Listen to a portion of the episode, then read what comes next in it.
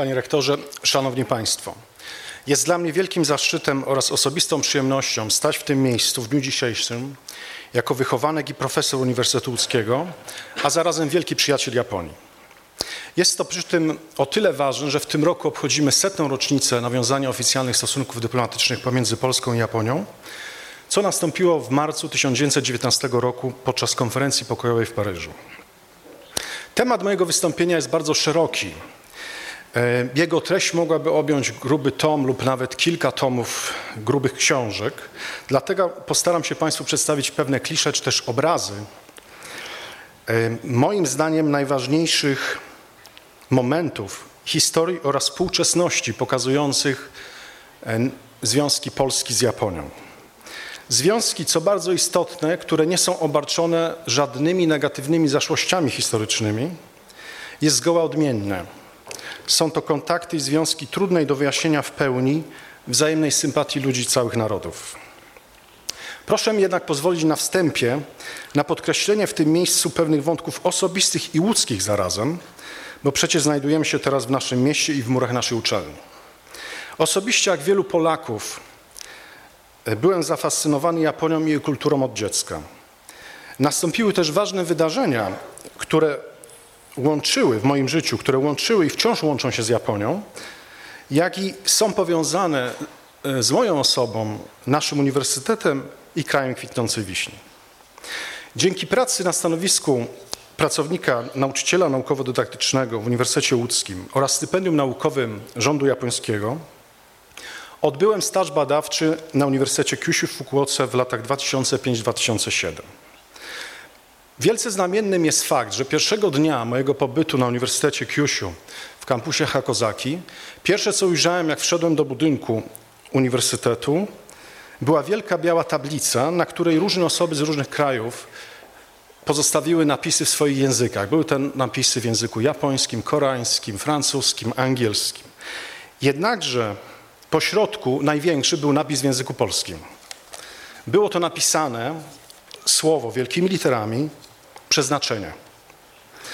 Od razu wywarło na mnie to ogromne wrażenie, tym bardziej, że dowiedziałem się później, że tablica ta stała w tym miejscu dłuższy czas, a w tym czasie nie było żadnego studenta ani naukowca z Polski w Uniwersytecie Kiusiu. Nie jestem człowiekiem zabobonnym, jednak wierzę, że musiało to być w istocie przeznaczenie. Świadczą o tym trzy znamienne wydarzenia, o których Państwu zaraz powiem. Pierwszym było moje kolokwium habilitacyjne w dniu 1 lipca 2011 roku. I choć moja rozprawa habilitacyjna dotyczyła prawa polskiego, Rada Wydziału Prawa i Administracji naszego uniwersytetu zdecydowała, żebym wygłosił wykład na temat kulturowych uwarunkowań stosowania prawa karnego w Japonii.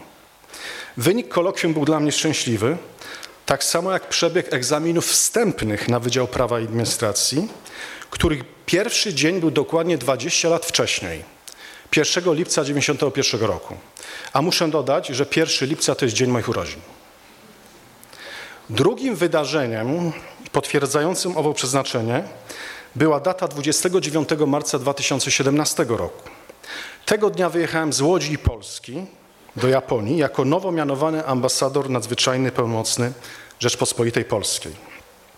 Jest to tym bardziej intrygujące, że tego samego dnia, ale dokładnie 10 lat wcześniej, to jest 29 marca 2007 roku, opuściłem Fukuokę i Japonię i wróciłem do Polski po zakończeniu mojego stażu naukowego na Uniwersytecie Kyushu.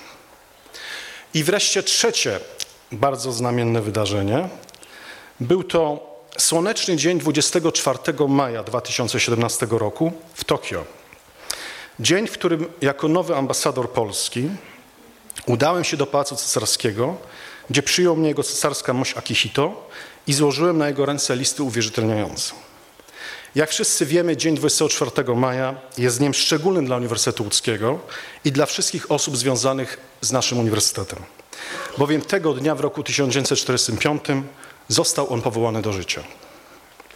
Jak widać, owo przeznaczenie, po japońsku unmei, spełniło się i wciąż spełnia się, bowiem przecież stoję tutaj przed Państwem w dniu inauguracji roku akademickiego w naszym uniwersytecie i w tak ważnym roku dla stosunków polsko-japońskich. Przechodząc do historii naszych stosunków, czy też historii naszej przyjaźni, Na wstępie należy zaznaczyć, że oczywiście losy Polski i Japonii były odmienne, bo takie musiały być, chociażby z uwagi na odległość geograficzną.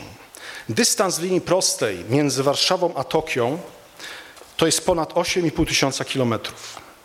Nie bez znaczenia jest również fakt, że Japonia jest krajem morskim, wyspiarskim i górzystym. Polska zaś leży w samym środku kontynentu europejskiego. Niestety nie jest też wyspą, co by nam się bardzo przydało przynajmniej na przestrzeni ostatnich trzech wieków. I jest krajem nizinnym. Dodatkowo, co oczywiste, nadzieje narodów i państw mają wpływy inne czynniki, które ogólnie nazwałbym czynnikami cywilizacyjnymi.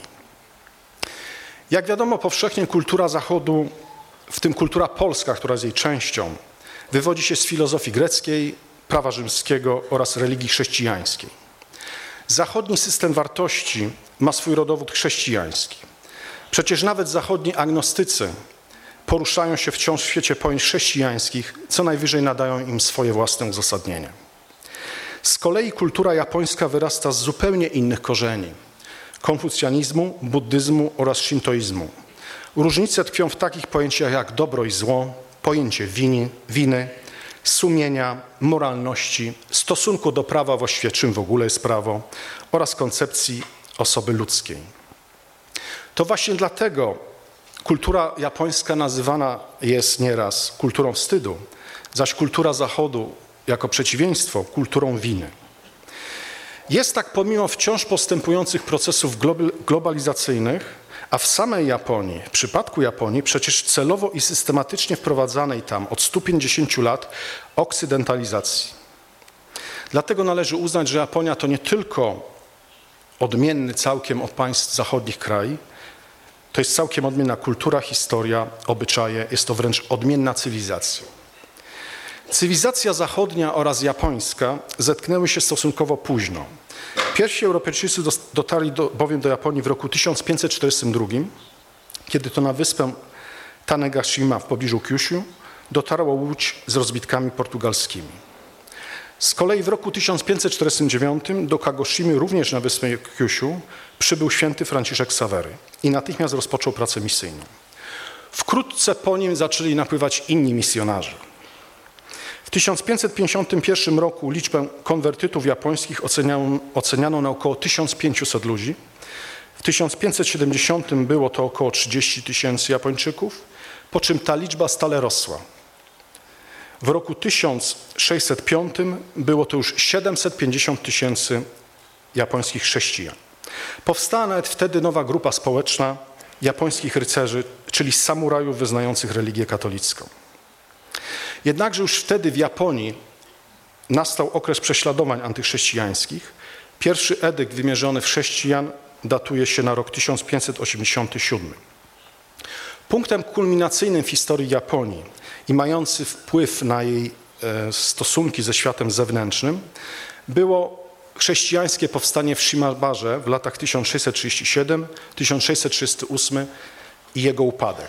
W tym samym roku 1638 Japonia została odcięta od świata, a jedynymi, jedynymi cudzoziemcami w Japonii pozostali Chińczycy oraz Holendrzy, którym pozwolono handlować na wyspie Dejima u wejścia do portu Nagasaki.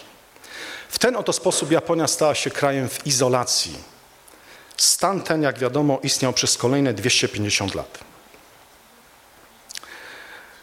Polacy o istnieniu Japonii dowiedzieli się po raz pierwszy z opisania świata autorstwa Marco Polo. Choć kiedy dokładnie to nastąpiło, nie jesteśmy, nie jesteśmy w stanie ustalić. Pierwsze drukowane wydanie książki weneckiego podróżnika ukazało się w roku 1477 w Norymberdze. Wcześniej były to rękopisy, z których do dnia dzisiejszego zachowało się 119. Z kolei pierwsze wzmianki o Japonii uczynione przez samych Polaków pojawiają się w żywotach świętych z 1577 roku oraz kazaniach sejmowych z 1597 roku autorstwa Piotra Skargi. Pierwszym Polakiem, który dotarł do Japonii, był jezuita Wojciech Męciński, który przybył tam w przebraniu kupca chińskiego w dniu 12 sierpnia 1642 roku. Dotarł on na wyspę Kyushu. Niestety natychmiast po zejściu na ląd został pojmany i wraz z trzema towarzyszami podróży sprowadzony do Nagasaki. Jako chrześcijanin i duchowny został poddany długotrwałym torturom, a w dniu 25 maja 1643 roku poniósł śmierć męczeńską. Wiadomość o tych wydarzeniach dotarła do Polski w roku 1647, gdzie wywołała ogromne poruszenie. Oczywiście należy pamiętać, że były to inne czasy i z okrucieństwem można było się spotkać praktycznie wszędzie. Jednakże, co interesujące, pierwsze spotkanie przedstawicieli naszych narodów nastąpiło jeszcze wcześniej i miało zgoła, zgoła odmienny, można powiedzieć bardzo pozytywny przebieg.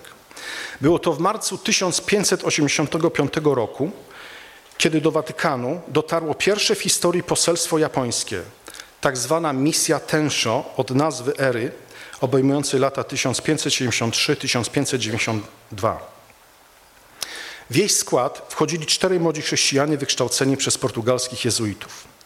Zostali oni przyjęci z wszelkimi honorami przez papieża Grzegorza XIII tuż przed jego śmiercią. Z tego powodu mieli sposobność obserwowania konklawę, a następnie zostali przyjęci na audiencji u nowego papieża Sextusa V. Japońscy posłowie podczas swojego pobytu w Rzymie odwiedzili m.in. grup świętego Stanisława Kostki. Wywarło na nich to ogromne wrażenie. W tym też czasie na prośbę późniejszego prymasa Polski, biskupa Bernarda Maciejowskiego, dokonali tłumaczenia na język japoński fragmentu jednego z psalmów Dawida. Tekst ten japońscy posłowie podarowali biskupowi Maciejowskiemu, on zaś następnie przekazał go Akademii Krakowskiej. Interesującym jest fakt, że rękopis ów leżał zapomniany w magazynach Biblioteki Jagiellońskiej i został odnaleziony dopiero w roku 2000 dzięki staraniom rosyjskiej uczonej pracującej w Japonii, profesor Ludmile Jermakowej oraz pracownikom Biblioteki Jagiellońskiej.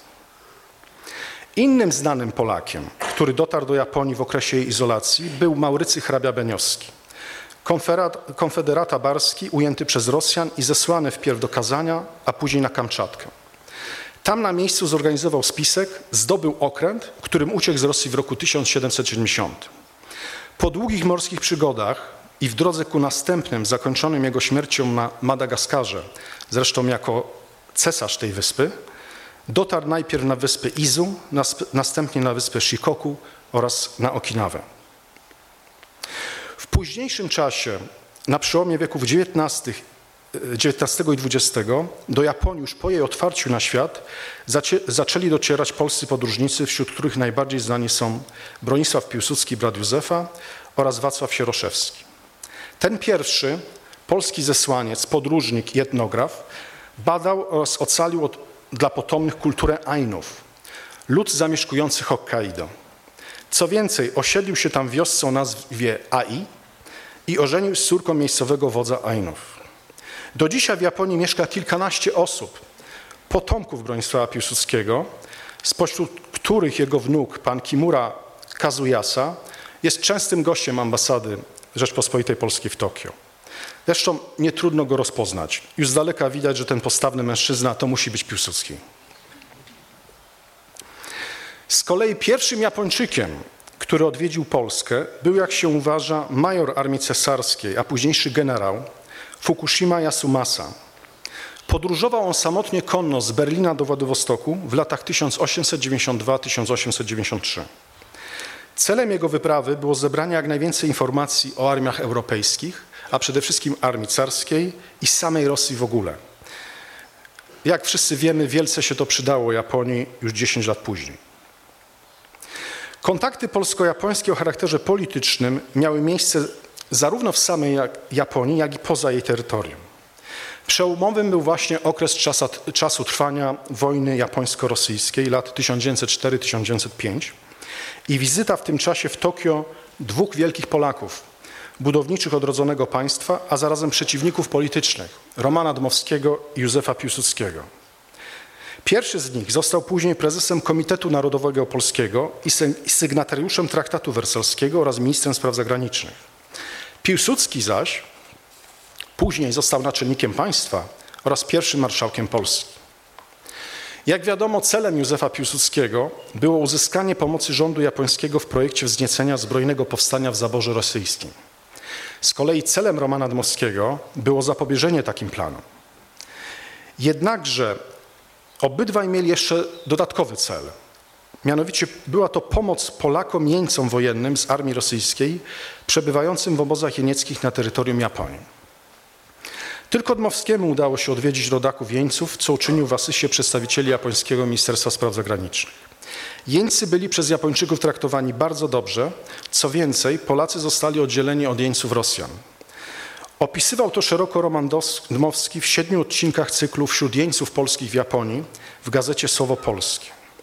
Ciekawym faktem jest także i to, że wielu jeńców Polaków było dobrowolnymi jeńcami, bowiem zdezerterowali oni z armii carskiej, ponieważ nie chcieli walczyć ani za Rosję, ani przeciwko Japonii.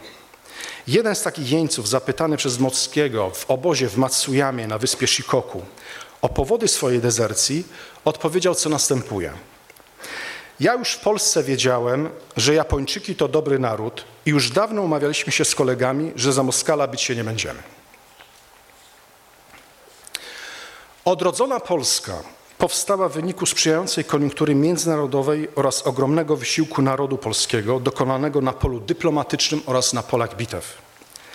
Choć jak wiemy, Polska walczyła o swoją niepodległość i granice jeszcze przez trzy lata od zakończenia Wielkiej Wojny do roku 1921, to za datę odrodzenia państwa polskiego przyjmuje się dzień 11 listopada 1918 roku. Od razu muszę w tym miejscu z dumą podkreślić, że największe obchody setnej rocznicy odzyskania niepodległości poza terytorium Polski miały właśnie miejsce w Japonii. Tego to dnia, to jest 11 listopada 2018 roku, do portu w Osace weszła w pełnej gali nasza fregata Tar Młodzieży podczas trwania słynnego rejsu niepodległości. Miałem osobiście ten zaszczyt, jako przedstawiciel państwa polskiego, wraz z innymi, witania i celebrowania tego pięknego i doniosłego wydarzenia. Warto także przypomnieć, że Dar Młodzieży bywał już wcześniej w Osace. Mianowicie w roku 1997 zwyciężył w regatach Sail Osaka w setną rocznicę powstania tego nowoczesnego portu. Należy także przypomnieć, że rok 2018 był to również bardzo ważny rok dla Japonii i Japończyków. To w zeszłym roku obchodzono 150. rocznicę restauracji Meiji, to dokładnie w dniu 6 kwietnia 1868 roku cesarz Mutsuhito, zwany pośmiertnie Meiji, ogłosił przysięgę cesarską. Oznaczało to definitywne odsunięcie od władzy shogunatu Tokugawa, zmianę ustroju państwa oraz otwarcie Japonii na świat, jak i też przeniesienie stolicy z Kyoto do Edo, które przemianowano na Tokio, co oznacza po japońsku wschodnia stolica. Japonia w bardzo krótkim czasie stała się bardzo nowoczesnym, scentralizowanym państwem, zreformowanym na wzór zachodni. Ogłoszono wtedy nawet hasło ucieczki od Azji, co miało oznaczać wolę całego narodu japońskiego do łączenia do nowoczesnych, uprzemysłowionych i silnych politycznie oraz militarnie narodów i państw Zachodu. Udało się to Japonii w pełni w bardzo krótkim czasie. Udowodniła to już podczas zwycięskiej wojny z Chinami w roku 1894, a zwłaszcza swoim druzgocącym zwycięstwem w wojnie przeciw Rosji w latach 1904-1905. Uczyniło to Japonię pierwszym mocarstwem na Dalekim Wschodzie. Należy pamiętać, że nastąpiło to zaledwie w niespełna 40 lat od porzucenia systemu feudalnego i polityki izolacjonizmu. Jak już wspomniałem na wstępie, uznanie odrodzonej Polski przez Japonię nastąpiło w marcu 19 roku w Paryżu. Było to podczas trwania konferencji wersalskiej i Japonia była jednym z pierwszych państw, które dokonały tego doniosłego aktu. Jako pierwsze państwo uczyniły to Stany Zjednoczone, następnie była Francja, Wielka Brytania i Włochy. Japonia jako piąte państwo, a zarazem zwycięskie mocarstwo zdecydowało o tym fakcie w dniu 6 marca 1919 roku, zaś formalny dokument został przekazany na ręce Romana Dmowskiego przez ambasadora Japonii we Francji, Matsui Keishiro, w dniu 22 marca. Oryginalny trzystronicowy dokument, sporządzony w języku starojapońskim, języku formalnym, zawierający decyzję rządu japońskiego o uznaniu państwa polskiego, znajduje się w archiwum Ministerstwa Spraw Zagranicznych Japonii w Tokio a jego ogromna powiększona fotokopia dzięki uprzejmości strony japońskiej została zaprezentowana podczas uroczystości rocznicowych w marcu tego roku w ambasadzie Rzeczpospolitej Polskiej w Tokio i jest własnością naszej ambasady. Rok 1919 jest również ważny z innego powodu, jeżeli chodzi o stosunki polsko-japońskie. Właśnie bowiem mija 100 lat od czasu uruchomienia na Uniwersytecie Warszawskim kursu języka japońskiego, co poprzedziło otwarcie tam pierwszej japonistyki w Polsce w roku 1956. Warto więc przy okazji dodać, że kolejne japonistyki powstawały kolejno na Uniwersytecie Adama Mickiewicza w Poznaniu oraz Uniwersytecie Jagiellońskim, równocześnie w roku 1987. Zaś 11 lat temu, w roku 2008, studia japonistyczne zostały uruchomione na Uniwersytecie Mikołaja Kopernika w Toruniu. W Japonii, jak dotychczas funkcjonuje od roku 1991, jedna polonistyka, ale za to bardzo prężnie działająca i znajduje się ona na Tokijskim Uniwersytecie Studiów Międzynarodowych. Jedną z najpiękniejszych kart stosunków polsko-japońskich jest pomoc, jaką udzieliła Japonia Japończycy polskim sierotom syberyjskim, ofiarom zawieruchy wywołanej rewolucją bolszewicką w Rosji. Miało to miejsce w latach 1920-1922 i uratowano wtedy ponad 800, 800 dzieci. Dokonano to dzięki działaniom Anny Bielkiewicz, której ojciec był zesłańcem i jednym z projektantów i budowniczych kolei transsyberyjskiej. Założyła ona tak zwany Polski Komitet Ratunkowy Dzieci Dalekiego Wschodu i w tym celu w czerwcu 20 roku przybyła do Japonii z prośbą do władz japońskich o e, umożliwienie i pomoc przewiezienia polskich sierot do Japonii i dalszą opiekę nad nimi do czasu ich dalszego e, przekierowania wpierw do Stanów Zjednoczonych, potem do e, Polski. Jak wiemy, w tym czasie Polska prowadziła, odpierała nawałę bolszewicką i był to bardzo czas niepewny, rok 1920. Reakcja rządu japońskiego, japońskiego Czerwonego Krzyża była natychmiastowa i pozytywna. W latach 1920-1922 japońskie statki, statki przewoziły do portu Tsuruga polskie dzieci. Portu i miasta znanego potem z przyjmowania uchodźców żydowskich z ogarniętej wojną Europą, co miało miejsce 20 lat później. Polskie sieroty zostały otoczone wielką i troskliwą opieką. Część z tych sierot została umieszczona w Domu Pomocy Społecznej Fukudenkai w Tokio, który, który znajduje się niedaleko obecnej siedziby ambasady RP, i z którą nasza ambasada utrzymuje stały, wręcz serdeczny kontakt. To właśnie ten kontakt, y, to właśnie ten ośrodek i polskie dzieci w dniu 6 kwietnia 1921 roku odwiedziła cesarzowa Japonii Teimei. Warto przy tym pamiętać, że w przyszłym roku będziemy obchodzić okrągłą setną rocznicę akcji ratunkowej wobec dzieci syberyjskich. W tym miejscu wypada też dodać, że historia dzieci syberyjskich ma swój dalszy piękny ciąg, choć związany z tragicznymi wydarzeniami. W dniu 17 stycznia 1995 roku o godzinie 5.36 południową część prefektury Hyogo nawiedziło potężne trzęsienie ziemi o sile 7,3 stopnia w skali Richtera. Zginęło niemal 6,5 tysiąca osób, głównie w Kobe. Straty materialne były ogromne. Ze strony Polski nie nastąpiło samo tylko współczucie, ale i konkretne czyny. Zorganizowano m.in. wakacje w Polsce dla dzieci z Kobe, które co znamienne miały okazję spotkać się z niektórymi żyjącymi jeszcze sierotami syberyjskimi w Warszawie. Podobnym pięknym epizodem, epizodem, choć także związanym z tragicznymi wydarzeniami z roku 2011, jest wielkie trzęsienie ziemi w Tohoku, w północno-wschodniej części wyspy Honsiu, które miało siłę 9 stopni w skali Richtera i następnie spowodowało falę tsunami, która z kolei uszkodziła elektrownię atomową w Fukushimie. Miało to miejsce w dniu 11 marca 2011 roku o godzinie 14.46 czasu tokijskiego. Pomoc Polski polegała m.in. na odbudowie zniszczonego przez kataklizm przedszkola w Kesenumie, znajdującego się w prefekturze Miyagi, z którym także ze strony polskiej jest utrzymywany stały kontakt.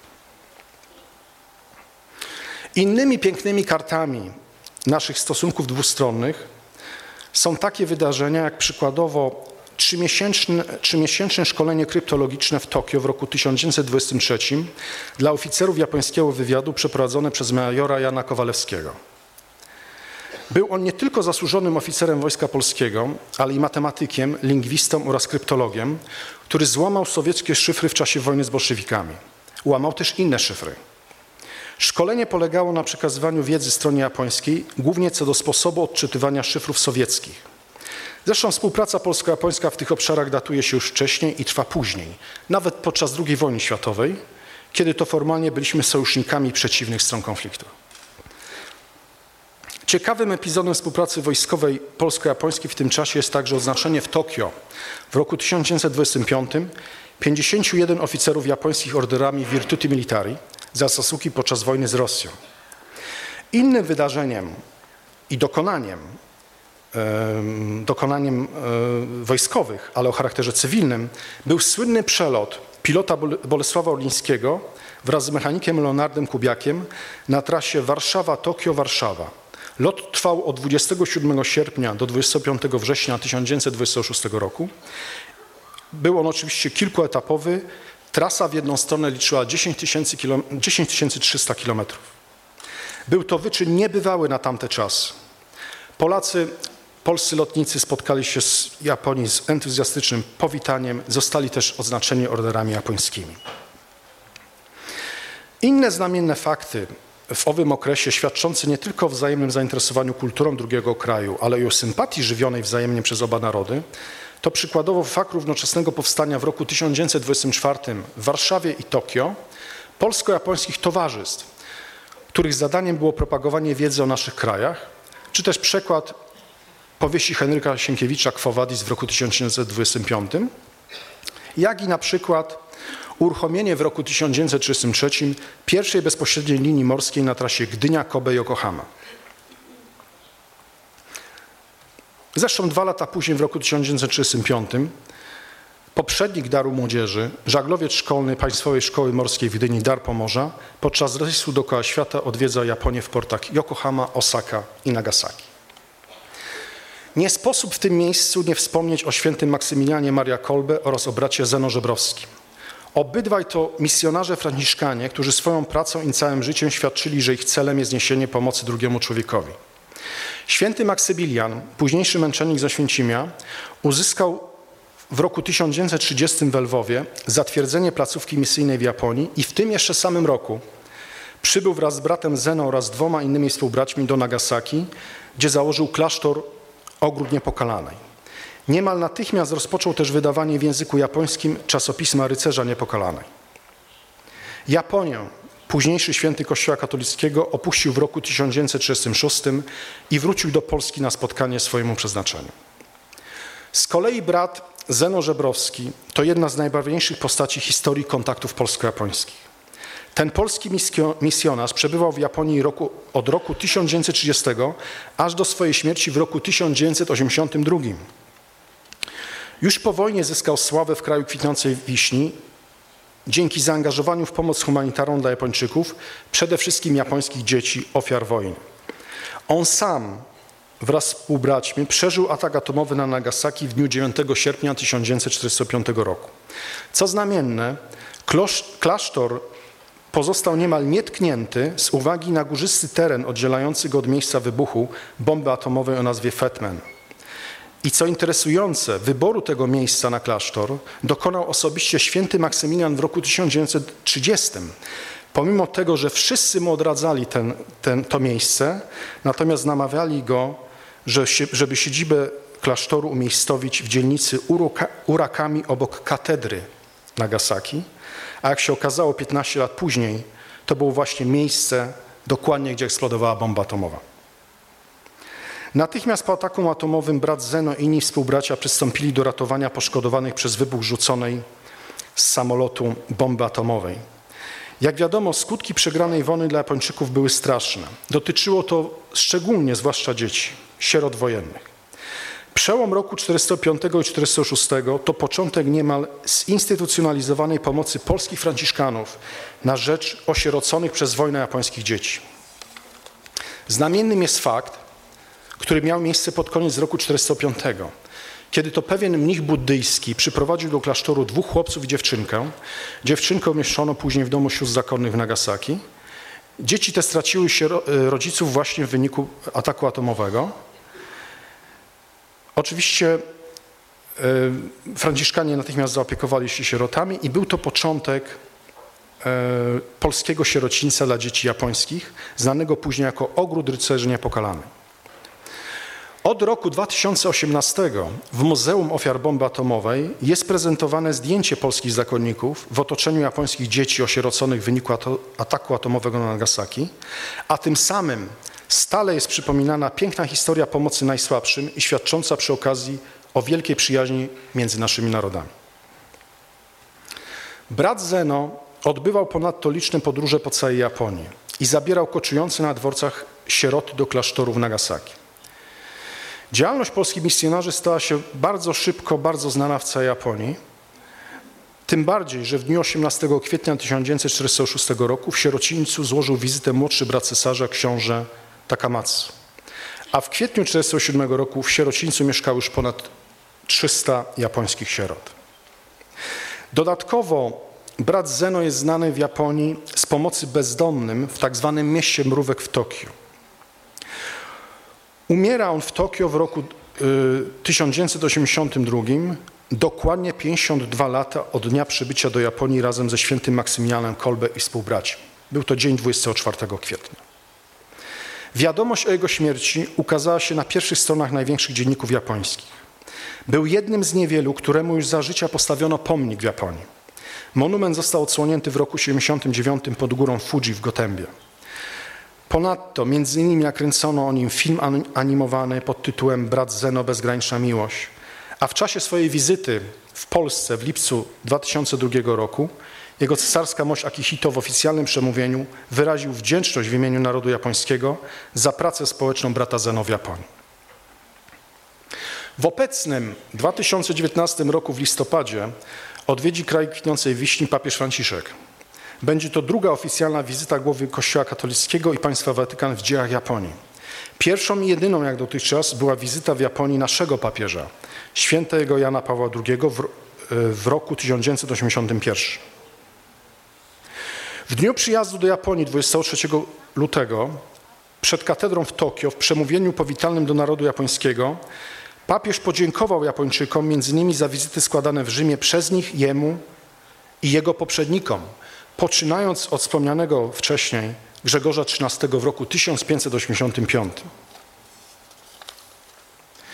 Jeszcze tego samego dnia w Tokio Jan Paweł II spotkał się z Polakami i w grupie 170 osób był nie kto inny jak brat Zeno. Wtedy już ciężko chory, liczył sobie 83 lata. Było to dla wszystkich bardzo wzruszające spotkanie.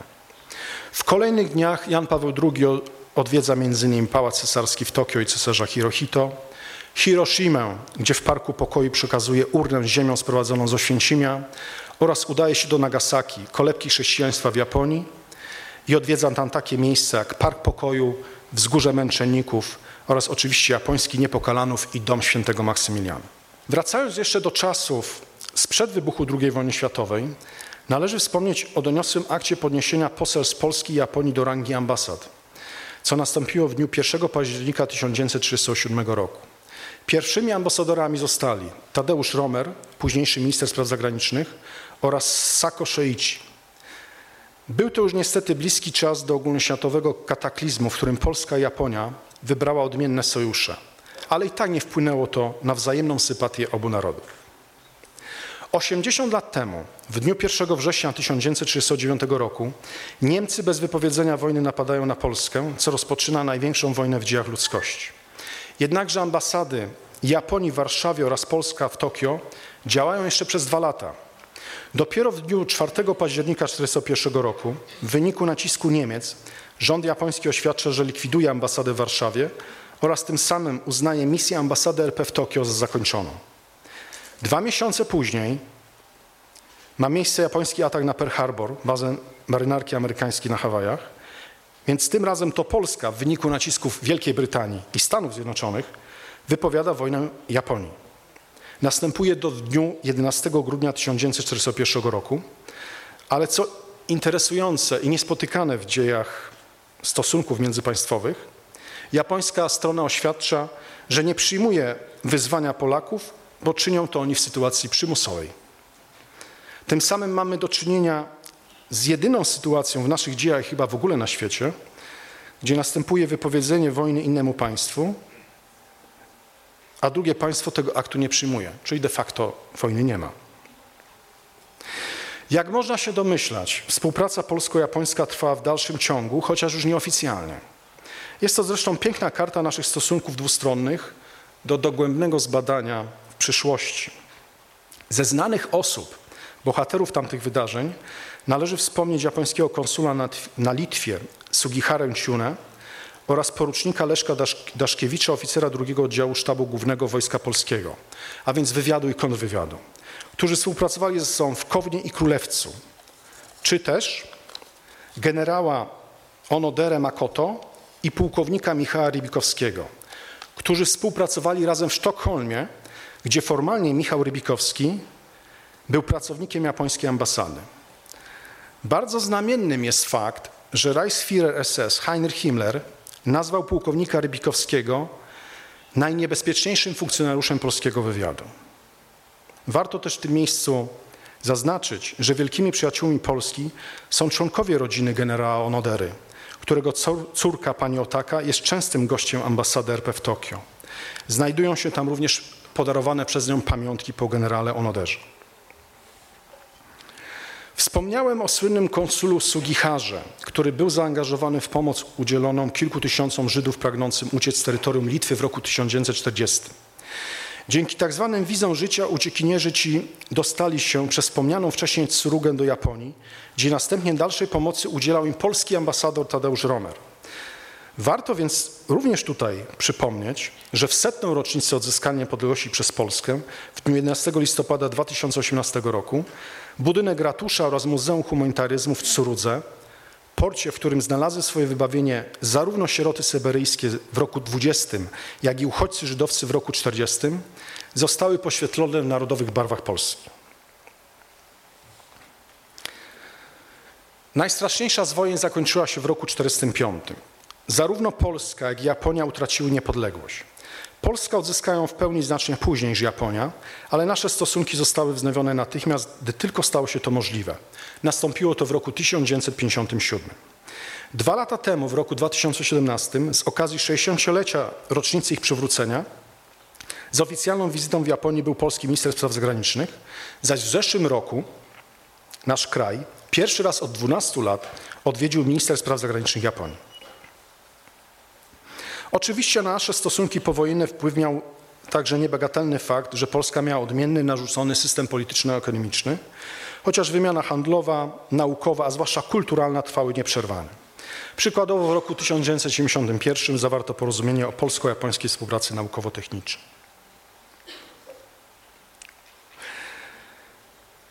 Jak zaznaczyłem na wstępie mojego wystąpienia, o przyjaźni polsko-japońskiej i dowodach na nią można mówić wiele godzin.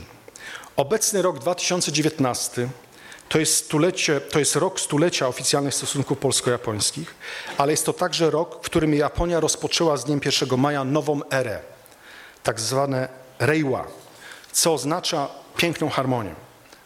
W związku ze zmianą na tronie cesarskim początkiem panowania nowego cesarza Naruhito. W bieżącym też roku, w czerwcu, odbyła się pierwsza oficjalna wizyta nowego następcy tronu Japonii, księcia Kishino wraz z małżonką księżną Kiko, co było największym tego typu wydarzeniem od czasu wizyty pary cesarskiej w roku 2002. Wybór Polski na kraj pierwszej oficjalnej zagranicznej wizyty nowego następcy tronu Japonii bezsprzecznie świadczy o wadze i jakości naszych stosunków, a przede wszystkim o wielkiej przyjaźni naszych narodów. W ogóle zauważalna jest swego rodzaju fascynacja Japonią w Polsce oraz z drugiej strony zauroczenie pewnymi aspektami naszej kultury w Japonii. Współpraca pomiędzy naszymi narodami i państwami odbywa się, co oczywiste, na poziomie politycznym i gospodarczym oraz kulturalnym i naukowym.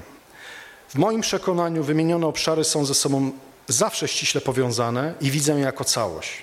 Chociażby z tego względu, że fascynacja na polu kulturalnym często prowadzi do współpracy o charakterze naukowym, a ta ostatnia do kooperacji gospodarczej w konsekwencji stanowi solidny grunt do szeregu porozumień natury stricte politycznej. O przeznaczeniu Państwu już mówiłem na wstępie, więc tylko zasygnalizuję, zasygnalizuję tutaj to, że taka też była moja droga. Wpierw zainteresowanie kulturą Japonii, następnie doprowadziło mnie to do badań naukowych samej Japonii, a potem do nowych zadań o charakterze polityczno-gospodarczym w pięknym i egzotycznym kraju kwitnącej wiśni. Warto wspomnieć, że w styczniu 2016 roku zostało uruchomione bezpośrednie połączenie lotnicze pomiędzy Polską a Japonią, a od marca bieżącego roku loty na trasie Warszawa-Tokio-Warszawa odbywają się już codziennie, co także w sposób oczywisty usprawnia kontakty między naszymi narodami i świadczy o ich znaczeniu także dla zwykłych obywateli. Na zakończenie chciałbym podkreślić, że pomimo ogromnych różnic kulturowych dzielimy z Japończykami takie wspólne wartości jak miłość do ojczyzny, przywiązanie do tradycji czy też wartości rodzinne. Są też rzeczy i sprawy wspólne nam, a zarazem bardzo trudne do logicznego wytłumaczenia. Są one niemal symboliczne. Mam na myśli tutaj chociażby zdumiewającą wspólną, ale równoległą historię odparcia najazdów mongolskich w wieku XIII. Wtedy to Japonia obroniła się na wschodzie globu, Polska zaś na jego zachodzie. Jest to historia wspólna, choć wtedy ani Polacy, ani Japończycy nawet nie wiedzieli o swoim istnieniu. Innym takim wręcz metafizycznym przykładem jest podobieństwo naszych flag państwowych, ich kolorystyka oraz ich wzory. Innym jeszcze jest wspólne i wielkie zamiłowanie do muzyki Fryderyka Chopina, którego muzyka przecież wcale nie jest aż tak popularna na przykład w niektórych krajach Zachodu. Czy też, o czym jestem głęboko przekonany, fakt, że zarówno Polacy, jak i Japończycy mają podobne spojrzenie na piękno, estetykę. I właśnie między innymi dlatego stosunki polsko-japońskie zawsze były i wciąż są bardzo dobre i jestem o tym przekonany, że takimi pozostaną na zawsze. Bardzo dziękuję Państwu za uwagę.